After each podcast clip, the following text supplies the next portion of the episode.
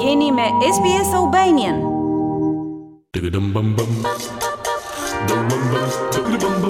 Janë publikuar tashmë rezultatet e regjistrimit të popullsisë të vitit 2021 dhe të dhënat po tregojnë disa ndryshime të mëdha në popullsinë e Australisë. Nga sfondi kulturor tek feja, Australia po bëhet gjithnjë dhe më e larmishme, dhe popullsia e saj është dyfishuar gjatë pesëdhjetë viteve të fundit në njëzet e pesë pikë pesë milionë banorë. Të ndjekim raportin e përgatitur. Australia po bëhet më e larmishme dhe më pak fetare. Këto janë të rejat kryesore të dala nga regjistrimi i fundit i popullsisë Census 2021. Popullsia në Australi është rritur me shpejtësi, me më shumë se një milion banorë të rinj që kanë mbërritur në Australi gjatë pesë viteve të fundit. Shumica dërrmuese ka ardhur në vend përpara mbylljes së kufijve në dy mijë e njëzetën, si rezultat i pandemisë globale të Covidit. Censusi i vitit dy mijë e njëzet e një paraqet një pamje interesante të Australisë moderne. Sipas Theresa Dickinson nga Byroja Australiane e Statistikave, kjo tregon se si modelet e migrimit po ndryshojnë. The number of us who are first generation Australians, those born overseas, Është rritur numri i atyre që kanë një prind të lindur jashtë shtetit. Numri i njerëzve që janë brez i parë, si dhe brez i dytë australian, si dhe numri i të lindurve jashtë Australisë. Rritjen më të madhe për vendlindjen jashtë Australisë e zuri India, e cila tashmë është gjithashtu vendi i tretë më i madh i lindjes në përgjithësi pas Australisë dhe Anglisë, e ndjekur nga Kina dhe Zelanda e Re. Gjuha mandarin vazhdon të jetë gjuha më e folur në shtëpi përveç anglishtes, por gjuha punxhabi pati rritjen më të madhe të folësve që nga viti 2016.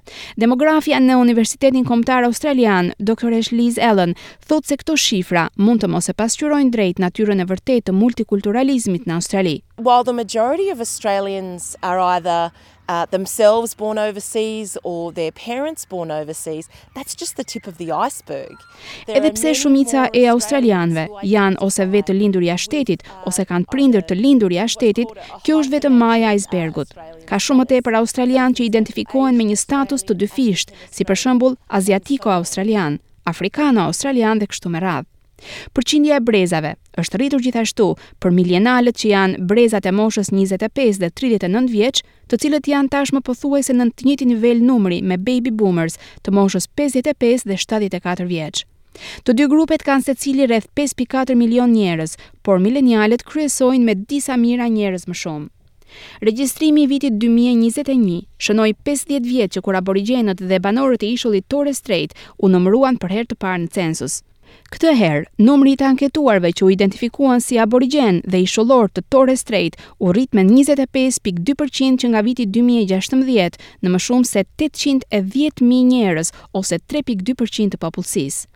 Doktoreshë Liz Allen thotë se shifrat nuk janë befasuese. We're seeing people more willing to report their their identity as being First Nations Australian.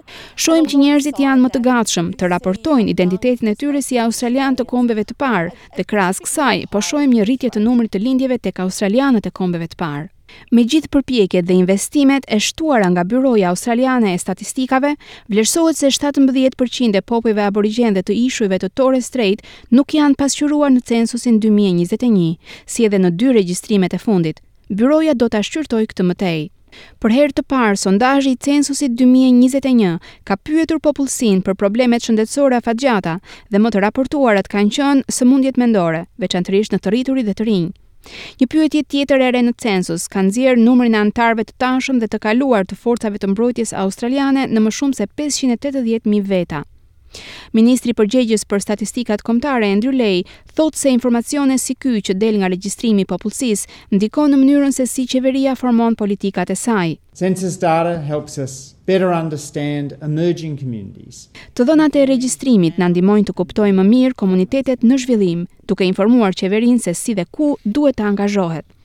Ky census u kërkoi të anketuarve të identifikoheshin si meshkuj, femra ose jo binar, por ka zëra që kërkojnë nga censusi i ardhshëm që të përfshijë më shumë informacion jo vetëm mbi seksin, por dhe mbi gjininë.